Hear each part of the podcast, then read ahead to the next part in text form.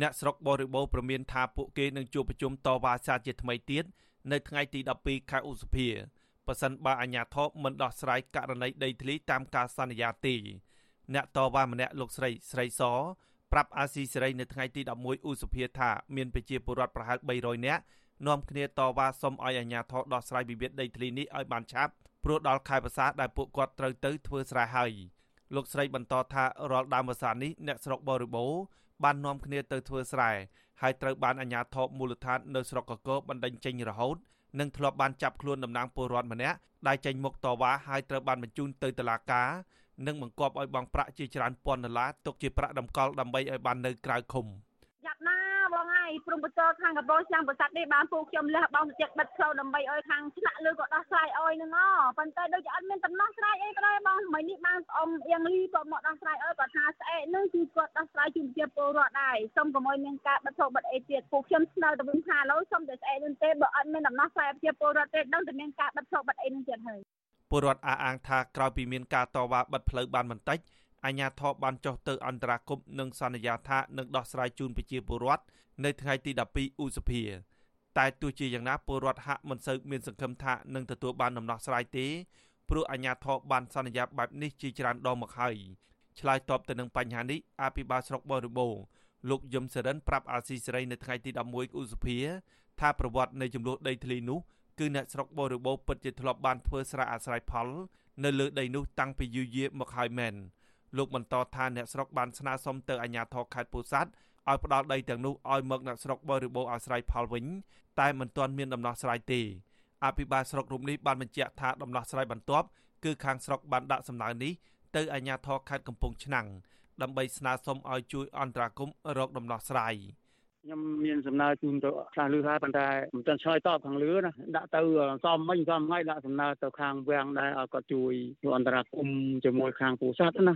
ហើយខ្ញុំក៏បានទៅចរចាជាមួយគាត់ដែរប៉ុន្តែម្ដងថ្ងៃនេះគាត់អត់ទាន់ឃ្លីឲ្យអា5រតានោះទៀតចំណែកអាជ្ញាធរខេត្តពោធិ៍សាត់អះអាងផ្សេងពីនេះទៅវិញដោយចាត់ប្រកាន់ថាអ្នកតវ៉ាខ្លះគឺជាអ្នកបន្លំចង់ទន្ទ្រានយកដីព្រៃរបស់រដ្ឋនិងមិនបានអាស្រ័យផលជាក់ស្ដែងនៅលើដីមានវិវាទនោះទេ អភិបាលរងខេត្តនិងជាអតីតប្រធានមន្ត្រីដែនដីខេត្តលោកចេងឡៃមានប្រសាសន៍ថាដីទាំងនោះគឺជាដីព្រៃរបស់រដ្ឋហើយមានពលរដ្ឋខ្លះបានចូលទៅកាន់កាប់ទន្ទ្រានរំលោភយកដីរដ្ឋលោកលើកឡើងថាអាជ្ញាធរបានផ្ដាល់ដីនោះទៅឲ្យពលរដ្ឋដែលកំពុងអាស្រ័យផលជាក់ស្ដែងរួចរាល់អស់ហើយចំណែកពលរដ្ឋខ្លះទៀតមិនបានអាស្រ័យផលជាក់ស្ដែងទេតែទោះជាយ៉ាងណាអាជ្ញាធរនឹងបន្តដោះស្រាយជូនពលរដ្ឋទាំងនោះ។ ដល់សម្បត្តិសង្គមកិច្ចជូនអ្នកសាយបោះនេះព្រោះប្រជាជនកំពុងឆ្នាំងចេះតែរៀនដំត្រៀនដីព្រៃរបស់រដ្ឋដីរដ្ឋដីដំត្រៀនព្រៃតាដីព្រៃតាគឺទៅចាំបែបនេះណាមិនមែនអ្នកសាយបោះខែពោធិ៍សាត់ទេតោះណាគឺខាងនោះខាងកំពុងឆ្នាំងណាចេះតែរុករៀនរៀនដីព្រៃឥឡូវយកដីហ្នឹងដើម្បីចែកជូនខាងឃុំសាយបោះជាង3000គ្រួសារសង្គមស៊ីវិលមិនជំទាស់ទៅនឹងការលើកឡើងនេះទេប៉ុន្តែទាមទារឲ្យអាជ្ញាធរស្រាវជ្រាវប្រវត្តិដីនិងដោះស្រាយវិវាទនេះឲ្យពលរដ្ឋឲ្យបានឆាប់ ព្រោះដល់រដូវវស្សាដែលពលរដ្ឋត្រូវបង្កបង្កើនផលនៅលើដីនោះហើយអ្នកសម្របសម្រួលសមាគមអាត់ហុកខេត្តកំពង់ឆ្នាំងនិងខេត្តពោធិ៍សាត់លោកសំច័ន្ទគាសង្កេតឃើញថាដីនោះមានវិវាទដីធ្លីជាច្រើនឆ្នាំហើយនិងបានប៉ះពាល់ដល់ពលរដ្ឋជាង300គ្រួសារដែលខកខានចូលទៅបង្កបង្កើនផលលោកសោកស្ដាយចំពោះអាជ្ញាធរខេត្តពោធិ៍សាត់ដែលបានបង្ហាញឆន្ទៈដោះស្រាយវិវាទដីធ្លីនេះជាច្រើនឆ្នាំមកហើយតែដោះស្រាយមិនចេញ។ លោកសំច័ន្ទគាសង្ស័យថាមន្ត្រីថ្នាក់មូលដ្ឋានរាយការណ៍ភូតកុហកទៅថ្នាក់លើឬមានភាពមិនប្រក្រតីអ្វីមួយទើបបណ្ដាលឲ្យអាជ្ញាធរថ្នាក់ខេត្តមិនអាចដោះស្រាយបាន សង្គមស៊ីវិលរូបនេះយល់ថាអាជ្ញាធរខេត្តទាំងពីរ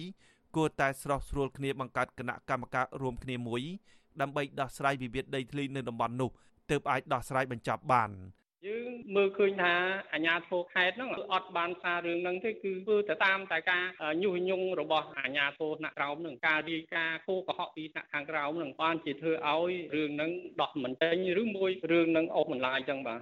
ដីមានចំនួនដែលមានទំហំសរុបជាង1000ហិកតាស្ថិតនៅភូមិអនសាយចម្បក់ឃុំស្វាយសស្រុកកកខេត្តពោធិ៍សាត់ជាប់នឹងស្រុកបរិបូរខេត្តកំពង់ឆ្នាំងអ្នកស្រុកបរិបូរអះអាងថាពួកគេជាង300គ្រួសារ ធ្លាប់អាស្រ័យផលតពីឪពុកម្ដាយរបស់ពួកគេជាច្រើនឆ្នាំមកហើយ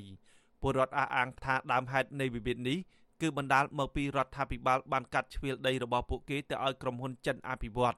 ក្រោយពីពលរដ្ឋចេញតវ៉ានិងដាក់ញត្តិអស់ជាច្រើនឆ្នាំទើបខាងក្រុមហ៊ុនចិនបានដកចេញទៅវិញតែក្រោយមកទៀតអាជ្ញាធរខេត្តពោធិ៍សាត់បានកាត់ជ្រៀលដីនោះទៅឲ្យពលរដ្ឋរស់នៅស្រុកកកូជាអ្នកអាស្រ័យផលវិញ